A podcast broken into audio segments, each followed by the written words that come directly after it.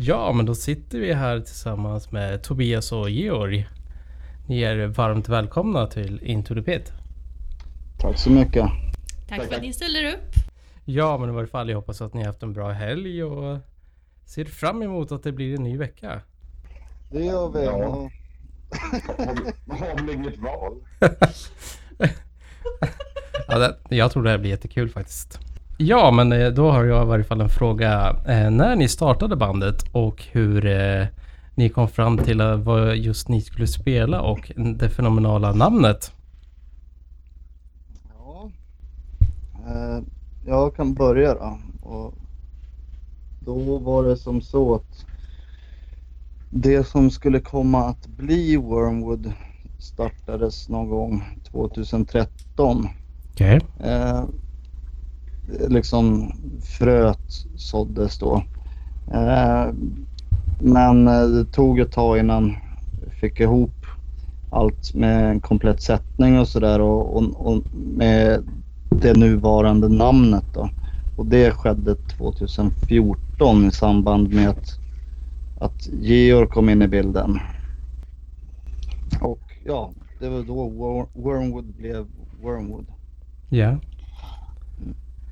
och eh, 2015 släppte ni er första EP. Eh, ja, precis. Eh, the Void Stories from the Whispering Well var väl...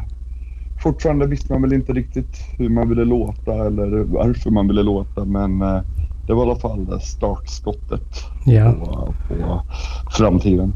Där ni började formas. Exakt. Vad var det 2015? Det kanske det var. Ja, det låter rimligt. Jag, jag, jag sa ja, så jag litar på att Ja, jag har försökt leta mig till det i varje fall. Ja, men då stämmer det nog. vi säger, vi säger så. Ja, vi, vi började där från 2015 i varje fall. Ja, men då, då är det så. Ja. Då har jag lärt mig någonting nytt. Eh, två år senare så kom väl första fullängdaren då, Ghostlands. Mm. Eh, ja, precis. Ja, och eh, vill ni beskriva lite hur ni gick tillväga för att göra det albumet? Eh, jag kan väl börja där, men vad ska man säga? Vi, vi var fortfarande, visste inte riktigt vårt sound. Eller vi, visste, vi visste att vi hade bra låtar och vi, vi tyckte att, eh, vad ska man säga? Det var en blandad kompott helt enkelt. Och eh, då kände vi att eh, fan, men vi sätter väl en eh, lång skiva, inga Kill Your Darlings, utan vi tog nästan alla låtar vi hade. Så kontakt, kontaktade vi en gammal bekant till mig, eh, Sverker, på Wing Studios helt enkelt. Ja, och ja. eh, knapade ihop allt där. Okej. Ja, nej, men det är lite som Georg var inne på här nu. Att vi jag hade massa egentligen lösa idéer. Fanns väl, ja det är klart det fanns en röd, röd tråd i det men det var ändå ganska spretigt. Men eh, när det hittade sitt sammanhang i den här sättningen som vi är och framförallt med sången som ligger på så limmar det ihop och håller ihop den här ändå ganska spretiga skivan. Eh, och ja, Vi, vi, vi tyckte väl att den var kanske spretigare än vad den egentligen var. För det var väl egentligen, vi visste att vi hade bara bra låtar men vi trodde att eh, de som skulle lyssna på det skulle tycka, vad, tänka vad fan det här är ju 12 olika band. Vad, vad, vad vill de? Men tydligen så tyckte de inte att det var så spretigt. Så det var, det var, det var i alla fall positivt att höra. Att Ja. det ändå lät som oss under alla låtar. Exakt. Någon favoritlåt eh, som på det albumet som ni gärna kör live? Från Ghostlands? Ja. Ja, jag tycker nog den jag gillar bäst spela det är nog Beneath Ravens and Bones. Okej. faktiskt. Ja, det, den är då som har varit med nästan alla spelningar vi har gjort. Dock, jag vet inte, min, min favorit kanske från Ghostlands är eh, The Universe is Dying eller sista låten To Worship. Men de har kanske inte riktigt så som vi låter för tillfället. Då eh, händer det inte så ofta att vi spelar just dem. Okej. Okay. Min personliga favorit är nog Godless Cernade. Ja, den brukar vi slänga in i livesetet ibland. Den, den innehåller mycket som fortfarande finns kvar i, i vårt sound. Precis, och det brukar också det brukar vara den låten också som folk... Eh, oftast den som har video på i den, som yeah. folk vet om eh, bäst. Så, det, så då brukar vi ta den. Och den är bara väldigt rolig att spela också. Den är, den är rockig och svängig och har lite eh, moment som publiken brukar gilla. Ja, det känns som att det är många som lyssnar på er som kommer på den först, att, som deras första val utav vad de tycker om ifrån den skivan i alla fall. Ja, ja. Det, det, den och sen Tid och öde brukar folk tjata om. Den har vi haft lite paus ifrån. Okay. Eh, det är inte så, så, så, ofta som vi slänger in den. Men eh, då märker man alltid att någon, någon eller fler ylar om att spela den, spela den eller efteråt att ni borde ha kört Tid och öde. Så. Ja, ja det är ju en, det är ju en eh, crowd favorite men som sagt det, det, vi känner väl att vi är väl inte där just nu. Liksom att eh, den typen av musik kanske inte riktigt är som vi vill bli associerade eller ihågkomna om. Nej, vi tycker att det är ett annat sound just nu. På just den skivan så var låtarna inte eh, sådär jättelånga. Utan eh, ja, det är väl eh, The Boneless One som är längst. Ja, jag tror To Worship ja, to worship. Väl, eh, den och uh, What We Lost in the Mist, de är väl strax under sju minuter. Ja. Kontra era nya skiva, Nattarvet, som ni släppte här 2019. Där det finns en låt under sex minuter. Hur, ja, eh, hur, det... hur vart det sig att på senaste skivan så vart låtarna längre? Det kom naturligt. Det var liksom, vi satt inte bara okej okay, nu måste alla vara eh, så här långa men det, det fanns, musiken talar för sig själv och, liksom, och då vill man inte att den ska vara kort för eh, musiken måste kunna eh, berätta sin egen historia och då blir det lättare om de då också är längre. Ja. Ja, och jag... Eh, när låtarna till Nattarvet skulle skrivas så... Man, man koll, blickar tillbaks lite så vad har man gjort tidigare, vad funkar, vad funkar inte och vad, vad kan man göra bättre. Jag tyckte väl att många, eller en utav de delarna på Ghostland som jag ville ja, jag vet inte om förbättra är rätt ord, men förändra i alla fall, att, var att eh, låta vissa riff hålla på längre. Eh, att inte vara så rädd för att ligga kvar på samma, samma gitarriff. Det kan jag tycka att Ghostlands-plattan, eh, den är ganska snabbt mellan riffbyten och det är många olika riff liksom varje låt. Och det, det var väl någonting jag försökte skala ner okay. eh, lite grann i, i gitarrtänket. Då. Eh, med det sagt så innehåller ju många låtar på Nattarvet en väldans massa riff också såklart. Men eh, det, det, var nog en aktiv tanke. Sen kanske det genererade att låtarna blev längre. Jag, jag vet inte faktiskt. Mm. På till exempel eh, Metal Archives så kallar de att ert första album var den perfekta debuten. Mm. Eh, på nya Nattarvet så är det ju en... Eh, det är väl en berättelse om eh, någonting som hände mycket i Sverige under 1800-talet. Mm. Ja, det, det är väl på, på, sätt och vis ett konceptalbum. Även om det sticker, sticker lite ifrån den storyn ibland. Men eh, det rör sig i eh, slutet av 1800-talet under nödåren då Sverige, ja hela Norden, eh, svalt. Och det var eh, vinter och kallt ända fram i juni. Och eh, det, det med, på grund av det så, så gick det inte så bra för folk. Och det, det skrev vi ihop en liten parentes i historien om. Yeah. Är det ett... Ja, vi eh, ville följa olika människoöden. Inte kanske att, all, att eh, alla låtar handlar på samma sätt men att det är under samma tid men kanske orelaterat personerna då. Ja, eh, Som låter ut. Är det ett eh, genuint intresse, svensk historia eller är det olika tider i Sveriges historia som tilltalar er mest? Man är väl hårdrockare som isär är alltid en inspirationskälla. Och, eh, då- Det, det är en del i ryggmärgen. Ja, så är det. Man ska inte vara för glad. Nej, nej. Ehm, nej men det, det var, jag och Tobias, vi, vi gillar ju att läsa om allt möjligt, eh, vare sig det är historia eller whatever. Och eh, på något, jag kommer för mig att det var Tobias som eh, nämnde någonting om eh, ja, Miss Växten och sen så pratade vi och skrev jättemycket och blev, väldigt taggade att fan det här måste ju, det här måste göras någonting av. Och det var då så som eh, nattarvet eh, föddes. Ja, okej. Ja, precis. Eh, Nej, men alltså historia och sådär, det, det...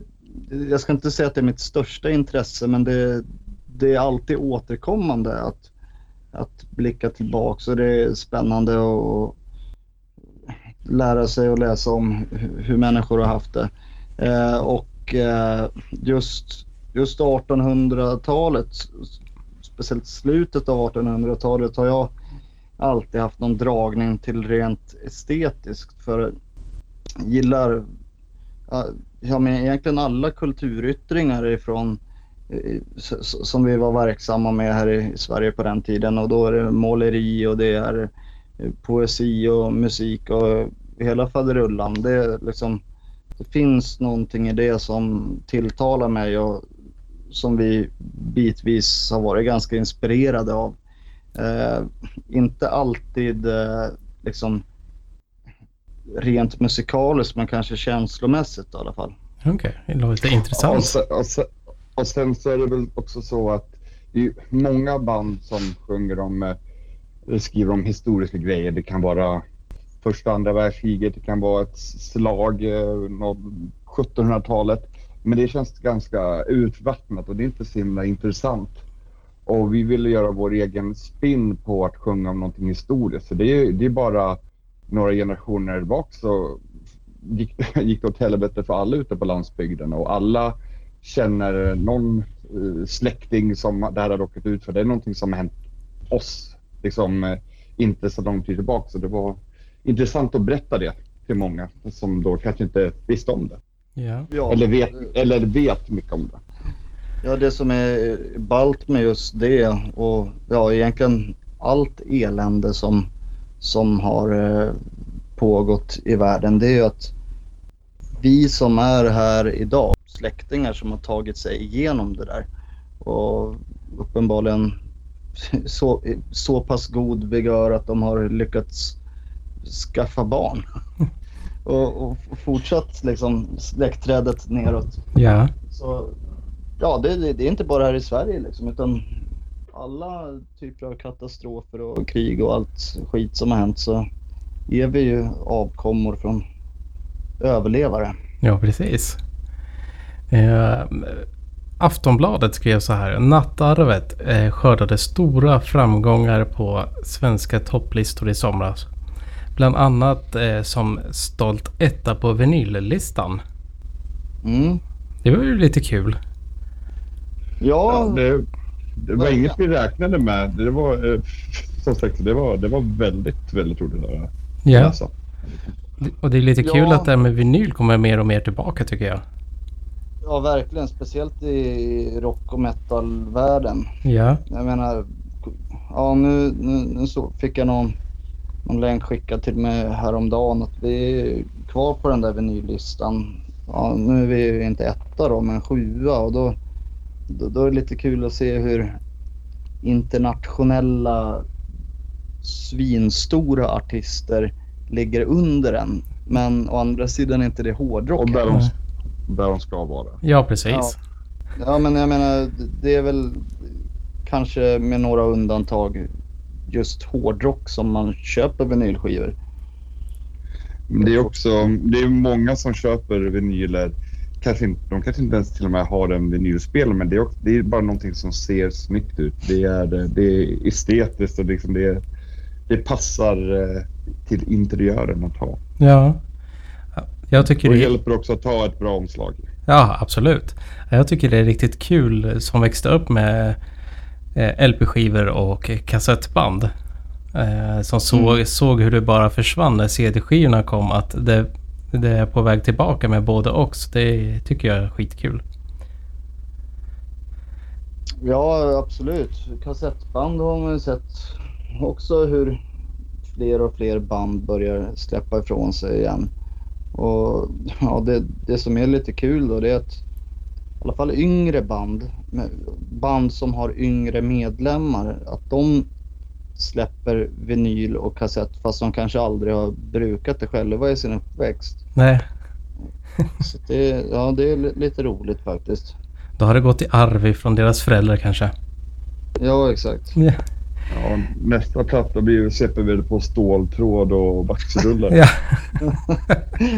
Ja, vi skickar ut sådana här partiturer med noterna bara. Ja, Ja. Nothäftiga spelare här nu så för, vet ni ungefär vad vi har tänkt oss. för alla Die Hard-fansen. Exakt.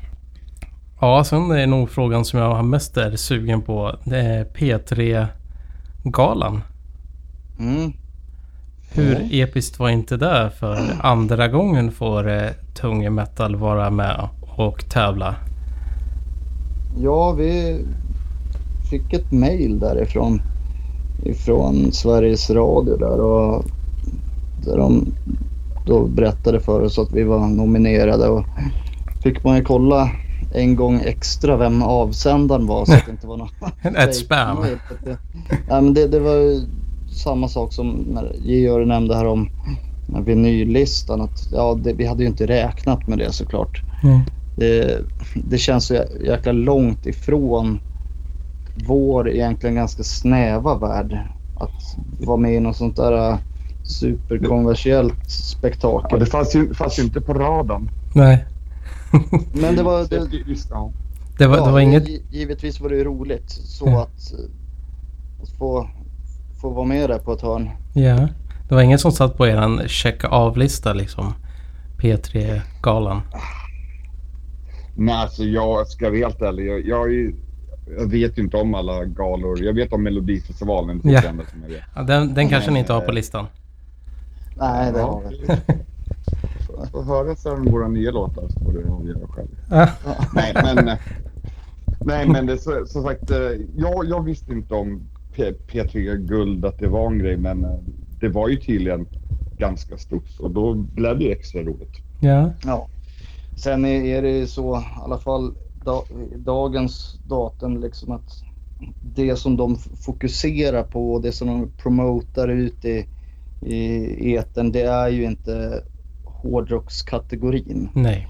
Eh, utan det fokus ligger på, ja utan att låta högfärdig, så bara massa jävla skit egentligen. Ja. Som är, det, det är verkligen...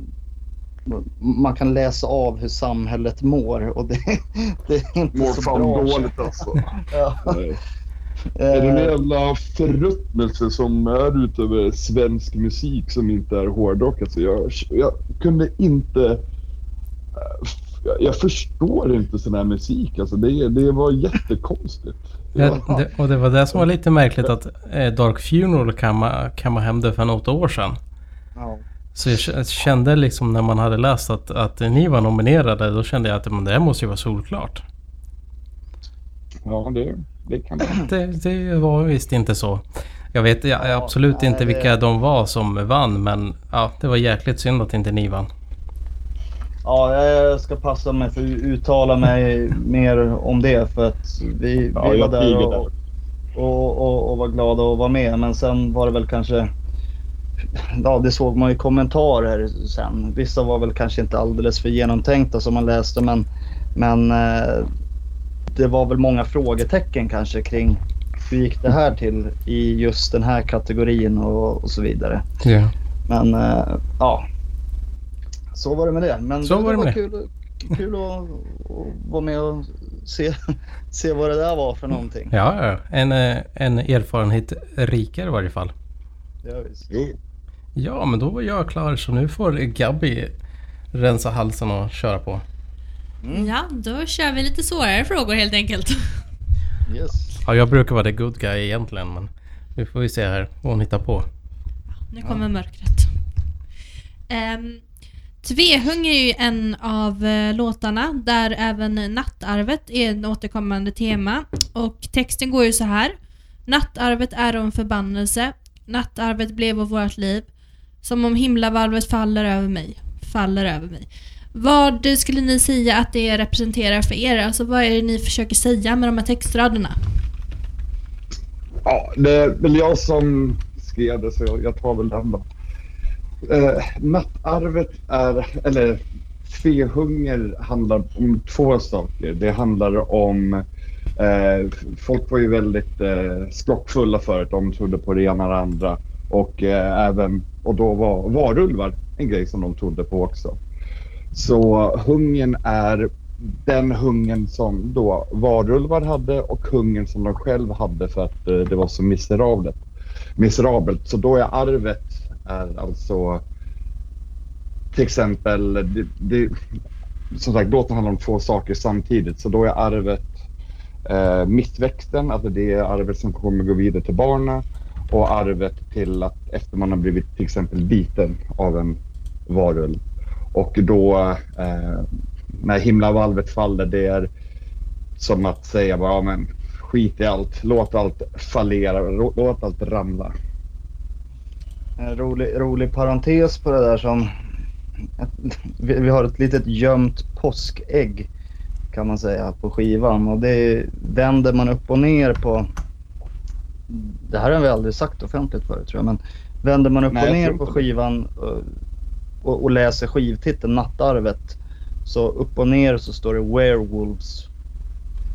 Eh, och Wow. eh, Oj, ja så det, det kan ni kolla på sen om ni har den tillgänglig. jag har den Eh, hemma. Vad sa du? Jag har den hemma på vinyl, så Ja. det ska jag definitivt Ja. kolla. Ja, vänd upp och ner på den då. Eh, och, och sen spelar man skivan baklänges så eh, nej. Det har inga, inga sådana roliga saker. Eh, nej men eh, även liksom i... Vi har ju i vinylen där eh, när man öppnar så är det ju en, en text, en prolog kan man säga. Då. Eh, och mellan raderna där då så framgår det ganska tydligt om att det är inte bara den här eh, hemska naturkatastrofen och missväxten som slår hårt mot utan moder natur kommer tillbaks med något annat ifrån skuggorna också och det eh, hintar lite om Ja, det, varulvstemat precis. då. Det finns ju flera låtar som är blandat mellan eh, ja, då, missväxten samt då lite, någon, lite fabel till exempel. Ja, men både Tvehunger och eh, botten, i Bottenlös sävja är ju, handlar om, kanske inte specifikt just om att det var dåligt med mat utan det som Tobias sa, det, Moder Natur tog med sig någonting annat också och inte Mm. bara dåligt väder och eh, lite mat. Nej, det är precis. Så det är lite folklore men, men eh, ursprungstanken där är att det är i samma värld om man säger. Eh, det utspelar sig på hemmaplan under samma tid. Precis, folk var fortfarande, även om det gick eh, dåligt för folk, de visste inte om de skulle få någon potatis, så var de fortfarande livrädda för att bli uppätna av diverse saker de har hört i sagor och sånt.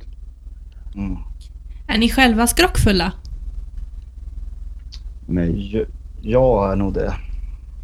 Jag är Ja, väl lite har- foliehatt. Jag pratat om det här Tobias. Jag, är, jag är lite foliehatt. På vilket sätt tror du på tomtar och troll eller är det liksom någonting du måste göra innan du går på scen? Eh, Med ritualer och sådär. Ja. Nej, jag vet inte. Det, det, det finns väl någon slags... Eh, ja, ska, hur ska man lägga ut det här så att man inte dumförklarar sig? Ja, Välj dina ord nu Tobias. Ja, nu ska jag välja mina ord. Nej, men det, det, det handlar väl om något intresse kanske. Att man kanske vill att det ska, ska finnas sånt som inte finns. Jag förstår, jag förstår lite hur du tänker. Ja, nej men det kan ju vara allt ifrån utomjordingar och tomtar och troll och gastar. Ja. Eh, det- det är ju klart att det finns inte men man kan ju ändå attraheras utav, utav tanken på det liksom. Och det, det är väl någonting som hårdrocken och skräckfilm och litteraturvärlden och, och sådär har ju varit inspirerade av. Egentligen byggt genrer kring sedan väldigt länge tillbaks. Eh, det betyder ju inte nödvändigtvis att man då, då är absolut tror på brunnsgubben liksom. Men eh, tanken på brunnsgubben kan ju vara lite kittlande. Ja, jag håller med. Ja, Man ser det man ser i mörkret. ja men så, så kan det vara. Det är, det är därifrån allt, all sån här folktro och så vidare kommer. Det liksom hur, man har tolkat saker och ting i sin omgivning. Ja. saker man inte kanske har kunnat förklara. Och så har det spridits från mun till mun och berätt, berättelser som har fått eget liv till slut. Jo, det stämmer. Alla historier ändras ju beroende på vem som berättar den. Jo, men så är det ju. Och det här är våran historia. Yes. Får vi se om, om det får samma genomslagskraft som till exempel Bibeln kanske. ja, förmodligen. Mm. Är det målet? Att bli lika stora som Bibeln? Ja, men att ha, vara grundare av någon slags världsomspännande religion hade väl varit roligt att ha på CVt. Intressant om ingenting annat. Ja. Ja, Wormwood-religionen. exakt. Skulle ni vara era, våra gudar då? Jag tror det. Du tror? Det, Ja, oklart vad vi, vad vi, skulle stå för eller uppmana till. Det får vi fundera, fundera vidare på. Lättköpt, jag går med i, i Ja, jag sekten. med. Vi går med. Ja. Vi går med direkt. Vi är första medlemmarna. Yes, under construction så- tills vidare då. Ja, eh, apropå mål. Eh, ett av era mål är att skapa album för er själva som fansen kommer gilla. Och ni har även själva sagt att det, om de märker att ni har kul och är dedikerade så kommer de gilla det. Men hur säker kan man vara på det egentligen? ja, det kan man inte. Det är magkänsla. Jag menar, vi, så länge man är ärlig mot sig själv så borde det smittas av eh, till lyssnarna. För jag tror att eh, vissa band hör man att fan, de hade, det här låter inte så jävla roligt. Deras 17 album och det låter exakt likadant och de gör det bara för att de kan inte göra något annat. Eh, nu är inte vi riktigt, är inte där än, men vi har fortfarande väldigt roligt i hela processen. Både att uh, allt ifrån att eh, skriva låtar till att uh, upp, uh, och spela dem live. Ja, precis. Vi, det, det, vi känner nog att vi fortfarande har saker kvar att säga och koncept att ta sig igenom och, och, Ja. och sådär. Vi, jag och Georg håller på och bollar mycket. Alltid liksom uppstartsprocessen av ett album där vi liksom bollar fram och tillbaks. Och det, det kan pågå ganska länge och så kanske man inte slutar där man började.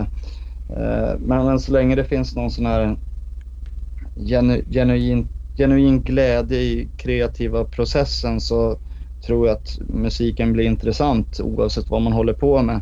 Eh, till skillnad från, ja, utan att nämna några exempel, med, det finns ju många band och musiker som liksom slarvar ihop någonting som låter lite coolt och Bara för att få en- ut något. Ja precis och sätter en dödskalle på omslaget så är det färdigt. Mm. Eh, vi känner väl att det är inte riktigt vår grej utan vi, Det funkar för andra men det funkar ju inte för oss. Och Mm. Då vill vi gärna ha teman som kanske är lite annorlunda. Eller att i alla fall man tar ett tema med en ny twist även om, det gjorts förr. Ja.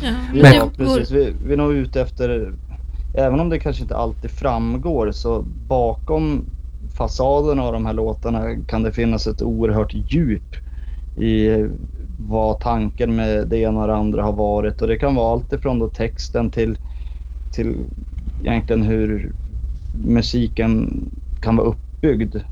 Och för, både faktiska tankar om, eller konkreta tankar och ibland abstrakta tankar. Liksom. Känslomässiga, känslomässigt kopplade till vad man pysslar med. Ja, det är klart. Man måste ju ha en känsla för det man gör. Men det skulle ju vara väldigt konstigt, så ni har bara släppt två album nu och att ni inte skulle ha mer att säga. Vi har väldigt mycket att säga och även när efter tredje, fjärde och femte plattan har kommit så finns det fortfarande en ändlös inspiration som vi kommer eh, tappa från och eh, ja, bara fortsätta. Så Mm. Inspiration kommer alltid finnas. Mm. Ni har lite nuddat vid det men när man Alltså när det gäller musik och skapande så finns ju alltid en grund i den konsten. Hur gör ni för att hålla kvar vid er grund samtidigt som ni utvecklar den? För ni har ju hoppat lite mellan olika genrer så att säga. Ja, det är väl kanske, det är lite av konsten också skulle jag vilja säga. Mm. Att vi, vi, eh, vi har testat på olika saker. Inte för att vi nödvändigtvis ska blanda det ena med det andra, att det är tanken, utan det, det handlar väl mer om att gestalta och, eller sätta ton på känslor. Och sen om det, jag, jag sa någon gång förut liksom, är det så att vi skulle vilja göra gangsterrap under namnet Wormwood och att vi skulle känna att det var rätt grej, då hade det blivit sådana inslag också. Nu Ja, kan jag precis. säga att det Vi- kommer vi inte bli det. Men... Vi gör ju musiken för oss själva, sen så är det en bonus att andra eh, gillar det. Men än så länge så har eh, det funkat väldigt bra. Men ja, vi, vi, vi kommer alltid göra det som vi känner för, som sagt. Blir det gangsterrap eller blir det bara en eh, hissmusik liksom? Det blir vad det blir. Vi, Ja. vi var ju inne där på att Mello kunde vara, Melodifestivalen kanske kunde vara någonting. Ja. Nej, för fan. Ja, alltså så här, vi har ju inga... Vi har ju inte det i kikan. Absolut inte. Men, men rent, eh, alltså... Det vi var inne på att vad är rätt och fel? Ja, det beror ju på vad vi känner att vi vill göra och skulle vi då av någon anledning tycka att det där är det vi vill göra, Mm. då, då hade vi gjort det för att det är dumt att begränsa sig. Eh, men för oroliga lyssnare som inte gillar schlagers så det, det kommer nog dröja innan vi bestämmer oss för att pyssla med sånt. Ja, men hur- skrivandeprocessen för, eh, för när ni gör till exempel Nattarvet som innehåller mycket eh, folkmusik också. Mm. Eh, har man då musiken färdig först eller har man då texten färdig först? Eh, det är blandat. Jag, till exempel, jag skriver ju de flesta texterna och ofta så skriver jag bara någonting eh, som ja, jag tycker är, är bra och passande. Sen så ser vi hur känslan på texten är och vilken låt det kan passa. Och ibland så är det så att jag skriver till en låt också, men det, Ja. det är väldigt blandat faktiskt. Okej. Ja, Du, ehm, ja, precis. Och när jag skriver musiken så ibland så kör jag bara rakt på liksom. Det bara kommer. Andra gånger så kanske vi har pratat ihop oss lite grann gällande eh, någon, någon typ av tematisk skildring vi skulle vilja göra då. Och då kanske musiken dras mer åt det hållet eller om jag kanske sitter och har en färdig text framför mig. Men det är, det är väldigt blandat det där alltså. Okej. Men hur gör ni? För ni, var, ni pratade om det tidigare, alltså musik är ju oftast baserad på känslor och man vill förmedla en känsla. Så hur gör ni för att omvandla en känsla till musik så att man förstår det? Ja, det här är som du i inled inledningen sa, svåra frågor. Eh, jag vet inte. Det, jag, tror det, jag tror det bara kommer naturligt. Jag menar, sättet Tobias eh, spelar gitarr på, liksom, ja, vare sig det är melankoliskt eller eh, rockigt, så det, bara, det bara blir så, är väl det tråkiga svaret. Att det kommer väldigt naturligt. Ja, det, det finns väl någon, någon typ av, av inbyggt i varje musiker hur man låter och det, varför det är så beror ju på jättemånga saker. Och samma sak med liksom, varför har man en viss musiksmak?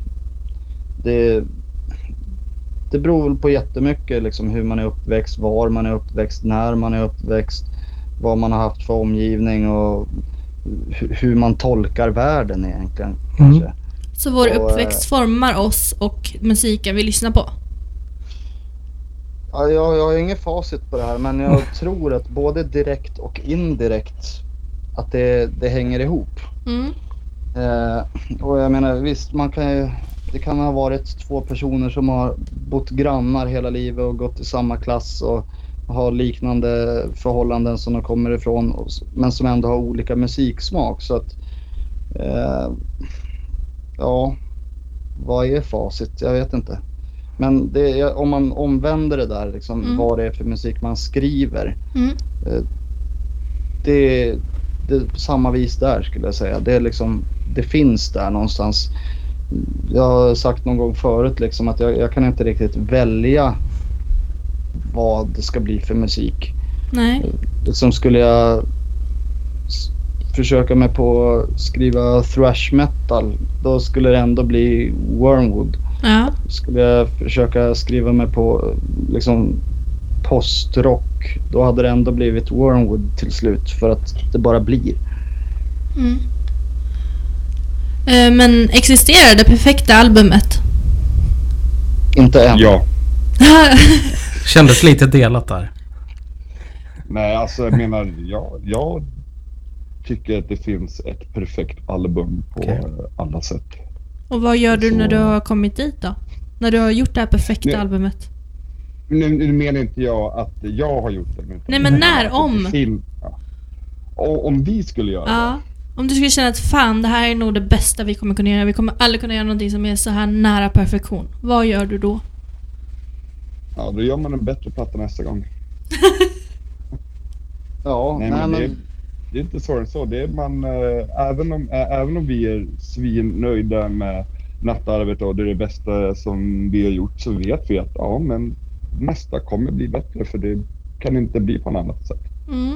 nej. Och nej, men kan man inte, eller kan, man inte göra det, var fel sagt. Är det så att man inte siktar mot att göra det, då Ja. kan man lika gärna liksom låta Wormwood bli Wormwood BK och börja spela fotboll istället. Okej. Falla tillbaks på sitt andrahandsval. Ja, eller jag vet inte ens om det är tredje eller fjärde eller femte hans val, men ja. Mm. Eh, nej men att man, man, får, man får ju vara så pass målmedveten och, och driven i sig själv att som Georg sa här nu liksom att ja, vi vet att nästa skiva kommer att bli bättre. Mm. Eh, sen är det väl kanske inte bara upp till oss att tycka till om det. Eller det kommer ju vara människor som tycker och tänker såklart. Ja. Men eh, att vi har den inställningen tror jag är- är viktig. ja, men det är det ju självklart. Det är ju en del av processen också. Ja visst. Men vi var inne och pratade på det lite tidigare. Ni nämnde att man kan se på hur samhället mår idag genom eh, till exempel band som blir nominerade och musiken vi väljer faktiskt lyssna på idag men även som man hör på radio. Så då är min fråga till er. Hur skapar man ett tidlöst sound eller en låt som håller trots att musikbranschen är i ständig förändring? Jag tror det, om man har det som mål att göra en tidlös låt, då tror jag att den inte blir tidlös. En låt blir tidlös om den överlever alla år och det, det är svårt att veta om vi har gjort en sån låt än. Man kan ju hoppas i alla fall. Ja, men jag, jag känner väl så här. Det, den musiken som är tidlös Ja. är den musiken som är äkta. Att det, de vill, man vill säga någonting. Att det liksom det är inte bara några ackord och blajig text utan det är musik som berör åt ett eller annat håll oavsett vilken genre eller stilinriktning man pysslar med. Och det kan man översätta till, till film och till alla typer av konstformer skulle jag säga. Eh, men jag tror inte att man vet att det är tidlöst förrän det har gått ganska lång tid. Så att det är liksom nästa generation som får definiera om det är tidlöst eller inte. Mm. Mm. Finns det något album eller någon låt som har berört er på det sättet? Eh, Genom att vara tidlös eller bara... Det gen, gen, generellt? rent generellt. Ja, inom, inom hårdrock då. Så en platta som har funnits med mig sedan barnsben och som jag fortfarande tycker är lika bra och hittar nya saker i och som jag troligtvis alltid kommer ha med i ryggsäcken liksom. Ja. Det är Seventh, Seven Son of a Seven Son eh, med Maiden. Bra. Den, den tycker jag innehåller allt. Det, är liksom, det tycker jag är världens bästa album i alla kategorier. Ja. Eh, men sen finns det ju givetvis mycket annat som jag respekterar och skulle kunna labla som tidlöst fast jag kanske inte lyssnar på det. Okej. Jag menar, ja, ABBA. Eller, ja, man kan göra listan hur lång som helst. Ja. Ja. Mm. Ehm, är kritikernas eller fansens åsikter viktigast för er? Äh, ja. Ja, jag, Pass. tycker... Jag, Eran egen kanske? jag, jag tycker väl att fans, fansen ser... Ja, precis. Vår egen, givetvis. Ja. Eh, men om man bortser från oss då, det Ja. som berör oss mest, eller- mig då i alla fall personligen, det, det är ju fansen. Ja. Men kritikernas, i alla fall i vårt fall, så här liksom ändå i, i början av en karriär så är ju kritikernas röst väldigt viktig för att eh, det är Växa, de komma som, vidare och så. ja, de når ju ut till väldigt mycket människor och, och vi har ju haft flyt där och, och skrapa ihop en hel del fina recensioner. Eh, och det har väl säkert lockat en och annan som sedan har blivit ett fan. Men i, i den krasst så jag menar, man, man tar ju hellre ett, eh, ett fan efter gig som kommer med gråten i halsen och säger att det var det bästa de har sett än en bra recension i Expressen eller, eller något. Liksom. Det, det, det tar man ju såklart, men vi är glada att båda sker. Ja. Men eh, trofansen är väl det som man eh, viktigast egentligen. Men Ja, för att det är ju bortsett från oss själva då som, som spelar för vår egen skull så är det ju fansen i andra hand. Ja. Eh, Det är ju, de, det är ju själva bränslet på något vis. Ja, jag menar om, om inte fansen gillar det då, då, då spelar man aldrig live och det kommer inga till gig och säljer ingenting. Och då spelar det ingen roll om eh, tidningar tycker att det är världens bästa platta. Nej, För, eh, precis. folk måste ju komma och titta på det. Ja. Mm. Eh, apropå att komma Ja. och titta på det. Um, alltså i det, musikvideos återspeglar ju låtarna på ett väldigt bra sätt. Man får följa en huvudkaraktär så att säga. Men hur gör ni för att man ska få samma upplevelse live när de effekterna inte kan följa med upp på scen? För jag menar, ni kan ju inte ta till exempel en gammal bonde och en åker och ställa på scenen. Eh, det kan vi visst göra. Okej! Fan vad coolt. Fan vad coolt. Det var precis vad jag ville höra. Nej men eh, det har vi väl li- liksom bollat lite grann hur, hur man kan göra saker live. Ja. Eh, men vi har väl kanske inte riktigt den plånboken än så vi kan realisera alla de där tankarna. Nej. Men eh, givetvis kan man ju, har vi som mål att vara ett väldigt visuellt liveband också. Mm. Och det där är Ja, folk någonting ska som komma ihåg växer. det. Mm. Och det där är något som växer nu i och med att vi, vi börjar få, få synas på större scener och i större sammanhang och, och sådär. Och då får man väl hoppas att kanske bandkassan växer också så att vi till nästa vända kan bjuda på något ännu häftigare liksom. Eh, men från början så, så var vi liksom, stod på riktigt, riktiga sunkak och Ja. det var bara ren och skär jävla hå- hårdrock som vidundrade i de där källarlokalerna. Och när man är på den nivån så, så kan man kanske inte erbjuda så mycket mer. För att det finns fysiska be- begränsningar.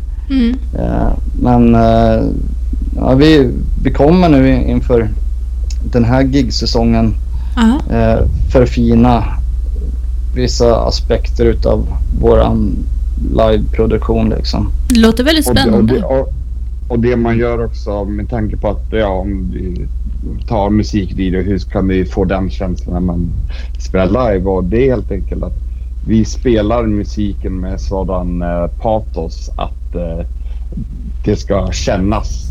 Att de kan tänka på videon men eh, när de ser oss så liksom då blir det blir ett. Mm. Um, texterna påminner lite om gammelsvenska om det nu heter så. Um, var det svårt att sjunga på det språket? För det är ändå lite liksom den äldre svenskan.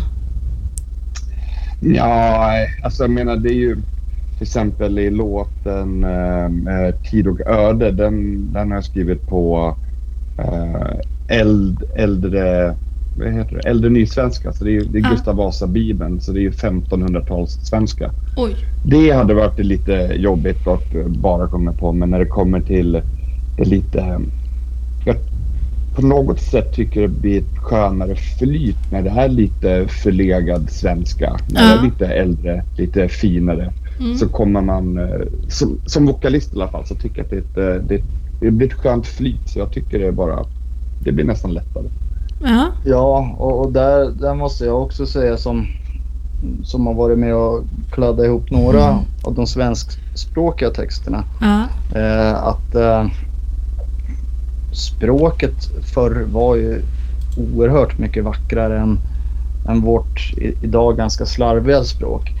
Eh, och där är också en av de här grejerna som var inne på tidigare liksom var att, att 1800-talet Mm. attraherar mig och där in, ingår ju språket. Ja. Sen och finns det säkert någon språkforskare som skulle kolla i, i våra textkonvolut och, och säga att ja, det här är inte alls så som man uttryckte sig för. Och det, det kan... Det är inte meningen heller. Nej, men det, det, det är liksom man, man tar en liten... Vad ska man säga? Man, tar, man tar, plockar känslan så som vi har upplevt. Till exempel det här språkliga. Eh, Man, man lånar lite grann liksom för att få, få en viss karaktär Men man gör en- på, på Man tonen. gör, en poet, man gör en poetisk översättning på tolkning av det som vi tycker låter bäst och finast från den Mm. tiden. Ja. Mm, och samma sak med, med videosarna här och eh, just de här berättelserna också som eh, utspelar sig då 150 år bak. Allting är ju inte kanske exakt historiskt korrekt på millimeternivå. Nej. Men eh, i det stora hela liksom det som man, det som man får greppa är ju att det är ett konstnärligt uttryck. Ja, och de som klagar på men de där skorna fanns ju inte där eller det här ordet, då har de missat hela poängen och Ja. borde hålla käften och inte lyssna på oss. Jag gillar din attityd alltså. Verkligen. Ja men det är så musikstycke ska vara. Liksom, man måste ha en själv, ett självförtroende när det gäller ens egna konst. Man kan inte bara böja sig för vad andra tycker. Nej, Ja, nej. Så, så är det ju. Mm, Förutom när de tycker bra grejer. okej. Um, då ska jag. Men ni, alltså, ni är ju ett av de band som faktiskt var först ut med att våga blanda svenska låtar med engelska på album. Något som många andra band i samma gen- genre men även ol- andra genrer bör ta efter. Uh, hur kommer det sig att ni tog det beslutet att blanda svenska och engelska? Um, ja, alltså.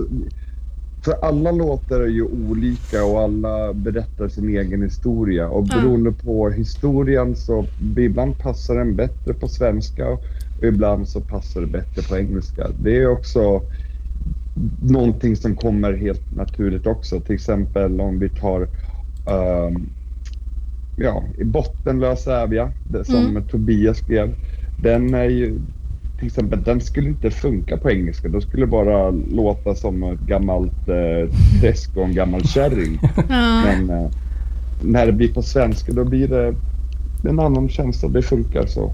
Det, Ja, det kommer beroende på, beroende på tema liksom. Är det, är det de här bitarna som knyter an till lokala eller svenska skogar och allt vad det är. Då gör det sig bäst på svenska. Sen har vi ju en del låtar som utforskar helt andra saker. Liksom. Mm. På Ghostland speciellt är det liksom lite rymdromantik också. Och, och sådär. Och det, det skulle ju låta märkligt på svenska kanske. Ja. Skulle Ja, lå- låta som precis. något proggband från 70-talet. Mm. Eh, vilket inte nödvändigtvis behöver vara fel, absolut inte. Men det flyter bättre på, på engelska då liksom. Men när ni nu ska spela utomlands, för ni har ju en hel del stora spelningar, bland annat på Sweden Rock och Dark Easter Metal Meeting och... Ja, men ni ska ju spela på en del stora scener nu i år. Hur, kommer ni spela på svenska eller kommer ni köra engelska rakt av eftersom det är utomlands? Nej, vi, vi, vi har ju vår, vårt, eh, vår setlist och det är ju blandat svenska och engelska. Ja. Och det är ju, det är ju många band utifrån Sverige som till exempel tycker vi bara borde göra saker på svenska. För det är väldigt eh, eh, romantiskt och, och, och exotiskt. Och, eh, så nej, vi, vi kommer blanda. Ja, i, i den här genren så finns det inga problem alls att sjunga på sitt modersmål när man är utomlands. Och det, det där har vi aldrig, jag tror vi aldrig har reflekterat över det heller utan det känns lika naturligt att gå upp i, på- scen i vilket land som helst och Ja. sjunga på svenska som, som det skulle vara på engelska. Mm. Det, det, det enda som... Ja, ja, men även fans liksom som inte pratar svenska. De brukar stå och yla med så gott de kan. Liksom. Härligt. I den här genren också så må, måste jag säga det att det är väldigt många fans som av någon anledning har börjat plugga svenska och norska och på universitetet liksom för att Mm. de, de gillar skandinaviska kulturen och, och, och hela den biten har väl hittat till den i och med att det kommer så mycket bra band ifrån de här länderna som vi bor i. Ja. Eh, Så det, så det är va- jättevanligt utomlands att man träffar på människor som, som gärna också vill prata om sånt med oss då i det här fallet. Ja. Eh, som är nyfikna på det här med historia och, och, och kultur. Eh, på ett helt annat sätt än vad random människa är här. Mm. Eh, För att man är lite hemmablinda kanske.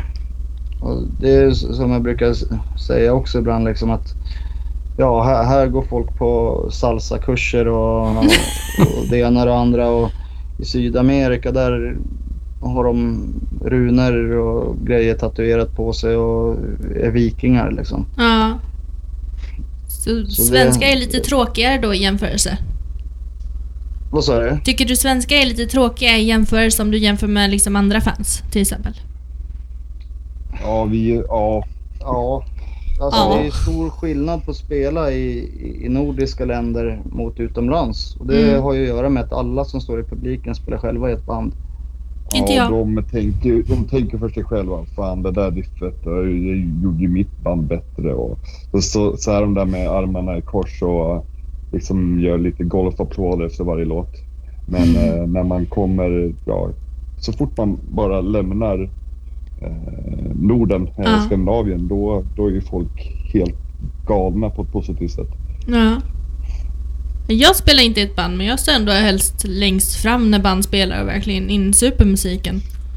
Mm, ja, Ja, nej men det, då gör ju du rätt. Ja, precis. Ja. Tack. Jag får godkännande. De, de borde, ja, de borde anamma dig eh, och inte bara vara tråkiga människor som bara står där rakt upp och ner. Det, det är ju där, som, där, det är ju där man får känslan. Ja, precis. Längst fram. Man ska stå längst fram. sen- Visst, och jag, jag förstår ju de här tråkiga svenskarna, för jag är ju själv en tråkig svensk och, så få gånger när jag går och tittar på musik. Jag vill inte vara nära en enda jävla människa och inte stöta i någon och alla luktar illa och man är irriterad. Så jag förstår ju dem. Men alltså varför går du på spelningar då om du inte får nära människor? Ja, det, det är ju det, jag går ju inte på spelningar. Men skäms. Eller jo, jag supportar polare men eh, ja, ja, nej. inte Det är ju så. här också liksom att ja, man kan prata skit om den svenska publiken och, Ja. och sådär. Det är ju klart att alla är ju inte så tråkiga som vi kanske får att låta nu. Nej. Men det är supertydlig skillnad Ja. att spela på hemmaplan eller utomlands. Mm. Eh, så taget bara, skulle man bara spela i Sverige, var ett sånt band, då, då kanske man inte hade sett den där andra sidan och då hade man nog varit ganska nöjd i alla fall. Ja. Och, om, och många svenskar kan ju faktiskt uppskatta musik utan att hålla på och morsa och springa och hoppa och skrika. Ja. Så Ja, jag kommer ihåg vi, i början av när vi första turnén som vi gjorde så var vi liksom runt på Balkan där och i Östeuropa och då spelade vi på vissa ställen som var riktigt små och riktigt jäkla rackiga liksom. Ja. Och de som få som kom dit, de öste ju på så in i helvete i alla fall. Ja. Härligt. Där fanns det liksom inga, ingen skam i det. Nej. Eh, och det var ju både lite främmande samtidigt som roligt att, att se det där. Mm. Hur människor liksom verkligen släpper allt och går igång på alla cylindrar. Det hade aldrig hänt i Sverige om det inte vore då på någon kanske rave-party med massa konstiga tabletter. Fast det är ju ändå ett utbyte mellan musiker och publik när det där händer. Att man verkligen ger efter för musiken. Alltså ni får ju ett utbyte av den energin de förmedlar. Ja, helt klart. Så det är ju lite konstigt att man inte vågar. ja, men det är, väl, det, det är ju väldigt svenskt att eh, inte sticka ut. Liksom. Det är ju jantelagen. Så jag menar, Ja. det är bara... Ja, vem, vem, vem vill eh, sticka ut eh, och när man går på en spelning? Liksom. En vanlig svensk vill ju inte det. Så jag menar, ja, nu pratar jag för mig själv men jag tror att det är ganska standard. Men jag stod och headbangade på Slipknot så att jag antar att jag inte vill det. Ja, Nej. nej, men, men precis. Så Sen ingår ju fan, jag menar svenskar headbangar ju och håller på Ja. och vi- viftar och tjoar också. Det är inte, inte s- så illa. Nej, Eh, men det var väldigt få som gjorde det kan jag säga. De flesta stod med armarna i kors och det är trist när det händer. Okej, ja, ja det, det är det absolut. Ja. Men om jag säger att livemusik är det sista betydelsefulla som musikscenen har, vad säger ni då?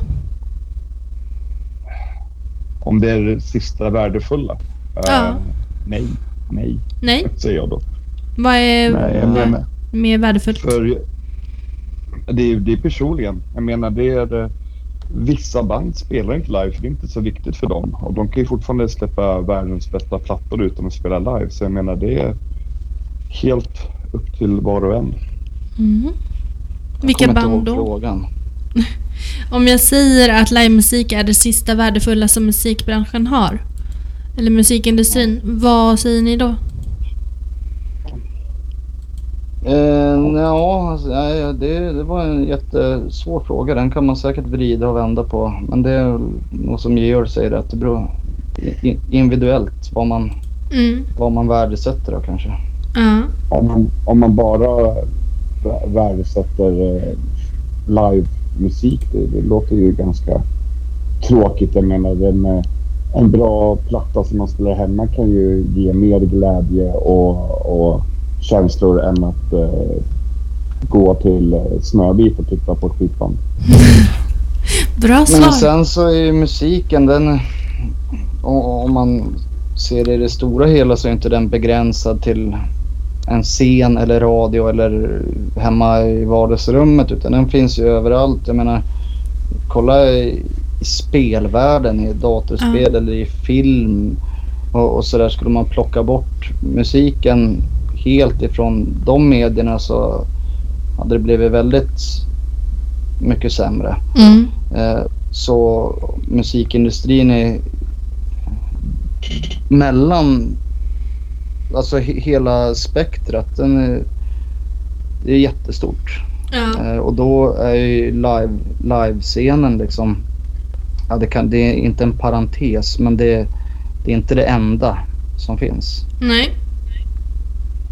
Bra Så det, svar. det finns ju, ja men det finns ju jättemånga musiker. Jag nosade lite på någon på, på nätet här om sisten som ingen har hört talas om men som vinner massa priser för liksom filmmusik. Eh, och gör fantastiska kompositioner och det är helt otroligt hantverk liksom. Ja. Men det är ingen som känner igen han på stan liksom, men har gjort sig en, har också en ekonomisk förmögenhet på det Ja. eh, som grädde på moset. Så nej, jag skulle inte säga att livescenen är det enda av betydelse alls. Nej. Det hörs in. Det hörs in när du kliver in. Um, er musik är ju ganska mörk. Tror ni personligen att bra musik bara kan komma från den mörka sidan eller måste man blanda mörkt och ljust för att det ska bli bra? Eh, alltså, mörker och misär är ju lockande. Ja. Som sagt, och det är ju väldigt, det är ju lättare att få inspiration av en eh, regnig dag i skogen än en eh, strand i, fan vet jag, Bahamas liksom. Det är ju, det är ju, det är ju ingen som har lämnat eh, Bahamas gjort världens bästa black metal-platta. Inte? Eh, Jag, jag tror inte det. Jag tror det krävs eh, urskog och en eh, sur gubbe. Det är då det kommer bäst musik. Ja, och så, samma grej. Det finns ingen europé som har gjort någon bra reggae. Nej. Utan det, ja, men, det, det funkar inte så. eh, De får slänga in en sak har sur sin gubbe där också. Nej, nej, nej men eh, det här med, med, med de här mörka bitarna. Det är, Mm.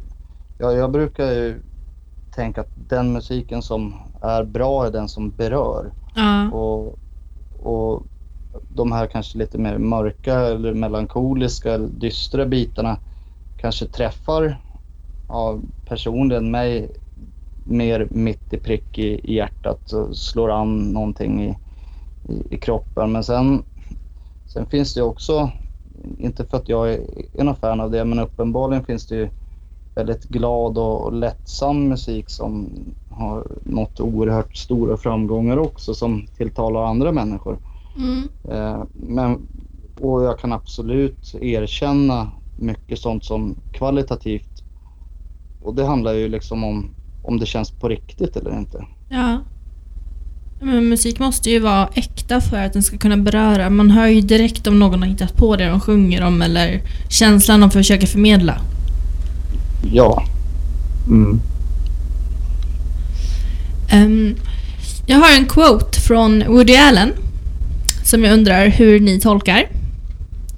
Och han sa att en konstnärs jobb, oavsett hur man, på vilket sätt man är konstnär, är inte att ge efter för förtvivlan, utan att hitta ett botemedel för tomheten som, följer, som medföljer att existera. Många, många vänder ju sig till musiken av just den anledningen, att man försöker hitta ett syfte med livet och ens existens. Men min fråga är, hur tolkar ni hans quote?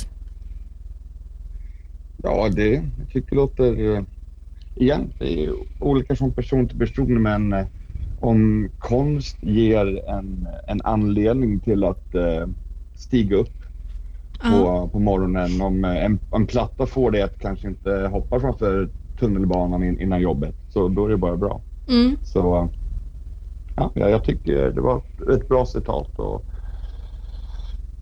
ja, jag håller med. Ja, jag tycker också det maker sense. Eh, konsten är oerhört viktig för människan och samhället i stort. Viktigare än, än vad många oinvigda kanske föreställer sig.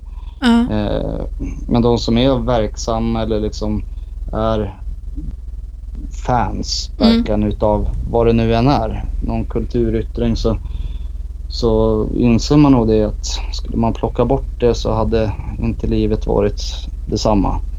Eh, jag med många som pysslar med sådana här kreativa eller, eller konstnärliga uttryck Ja. har nog, man, man har förståelse för, för varandra. Att man uppslukas ju totalt i det Ja. eh, period, periodvis.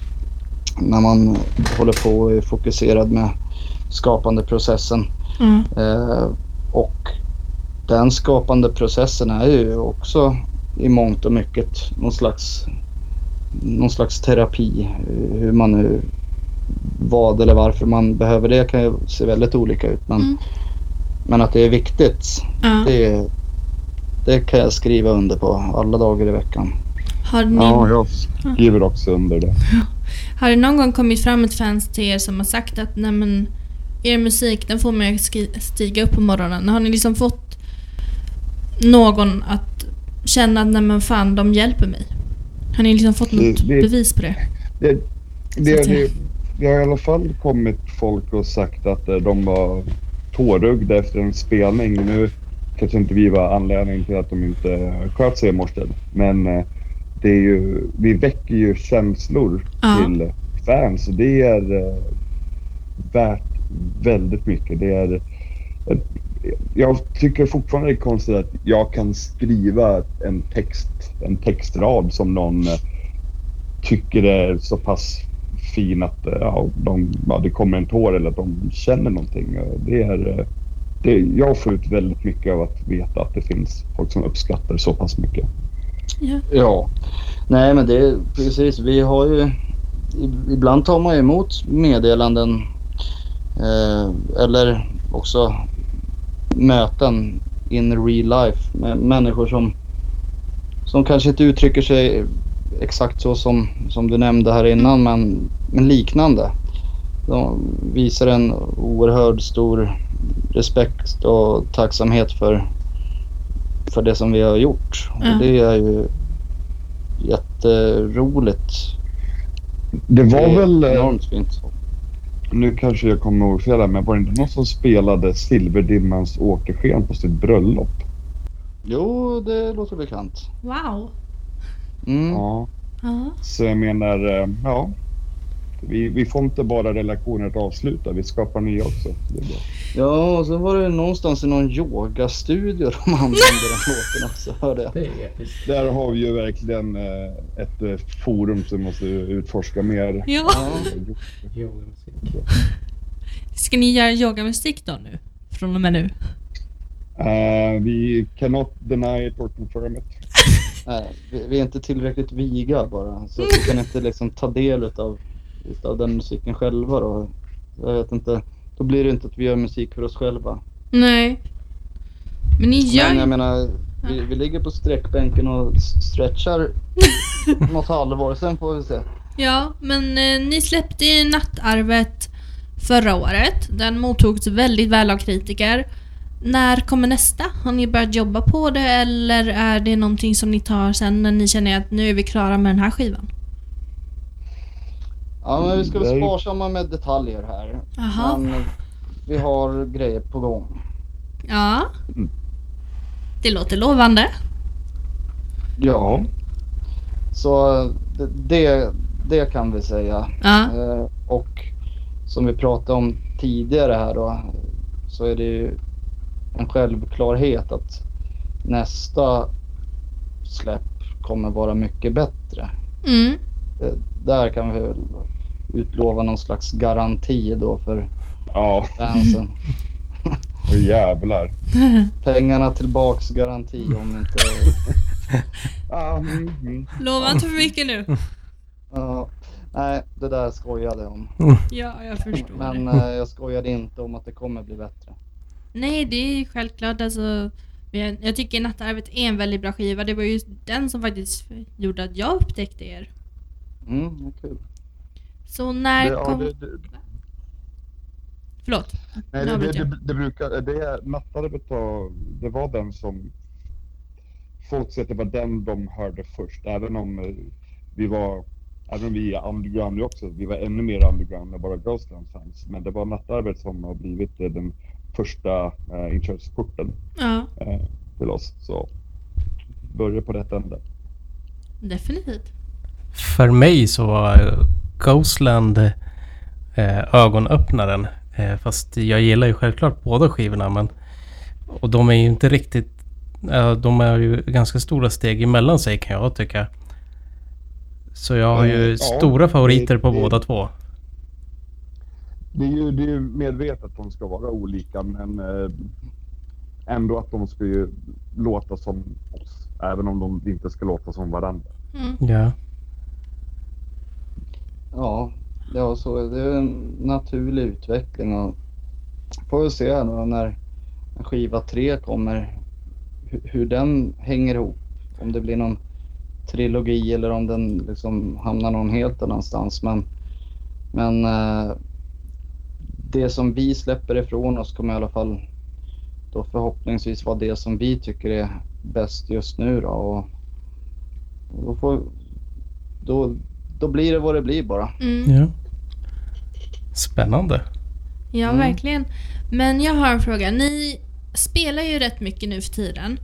Hur gör ni för att det är ju en sak att vara ute på turné och man lever på ett visst sätt och det är en helt annan livsstil så att säga. Hur gör ni när ni sen kommer hem och helt plötsligt bara nej men nu ska inte jag gå ut på scenen ikväll. Nu är jag hemma. Då andas man ut och tar en skön dusch och inväntar nästa turné eller gig.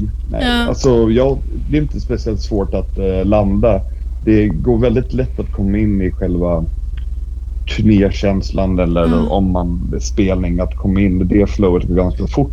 Mm. Och för mig eh, personligen så går det ganska lätt att komma tillbaks till eh, normaliteten. Du känner ingen Ja, tomhet?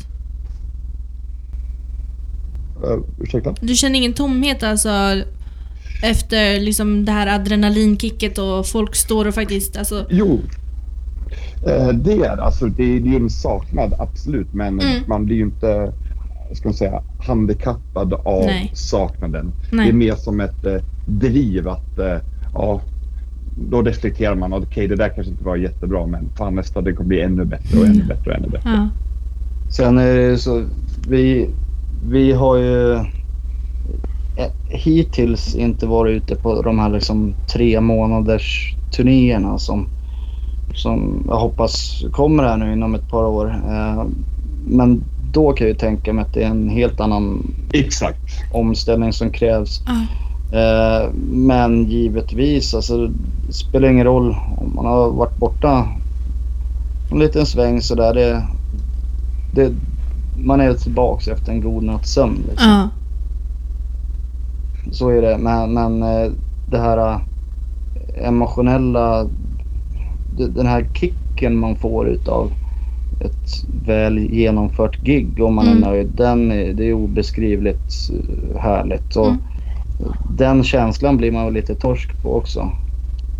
Ja, det är ju det är som en eh, drog att eh, efter ett bra spelning, efter man har plockat upp sitt och sitter i logen och bara reflekterar över vad fan, det där var ju skitbra. Ja. Och det är, ja, det är obeskrivligt. Och det, det, det är en, det är en, en rush som man vill, vill åt väldigt ofta. Ja. Ibland så händer det att man får trampa i uppförsbacke också och något kanske har strulat och, Mm. och det är liksom inte blivit det som man tänkte och då får man väl hitta någon slags eh, motivation i det också. Eh, Att till nästa gång ska vi tänka om och göra si och så istället. För det Ja, ska, man- ska man inte sticka under stolen med. Så, sådana gravgig har, ju, har vi gjort också, absolut. Men det är ju oftast att det känns dåligt för oss så kanske inte märks så mycket i publiken. För Nej. någon kan det ha varit det, bästa de har sett eh, på hela månaden. Men för oss så kan det kännas som att eh, varför gjorde vi det här? Mm. Är ni hårda kritiker mot er själva? Ja, Ja, Kan det bli det. för hårt ibland? Att ni inte ser de här, ja men fan vad publiken var på, men ni bara nej, det här gick åt helvete. Vi, vi, vi, kanske, vi kan eh, tycka att andra i bandet kan vara för hårda mot sig själva men man Ja. är aldrig för hård mot sig själv. Okej.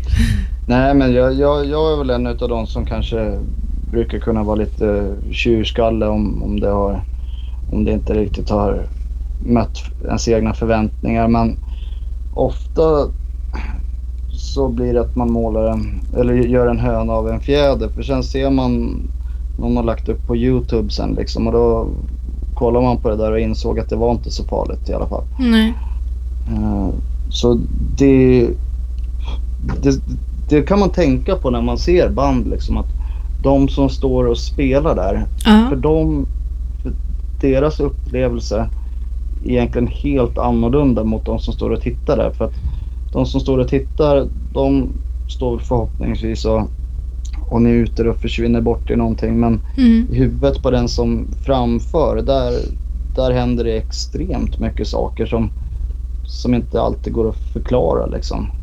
Mm. Eh, det, det är någon, någon slags blandning av adrenalinrush och, och, och fokus och ibland nästintill utom kroppslig upplevelse på något vis.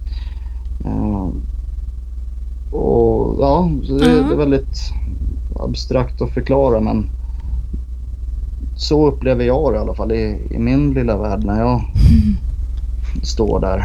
Ja.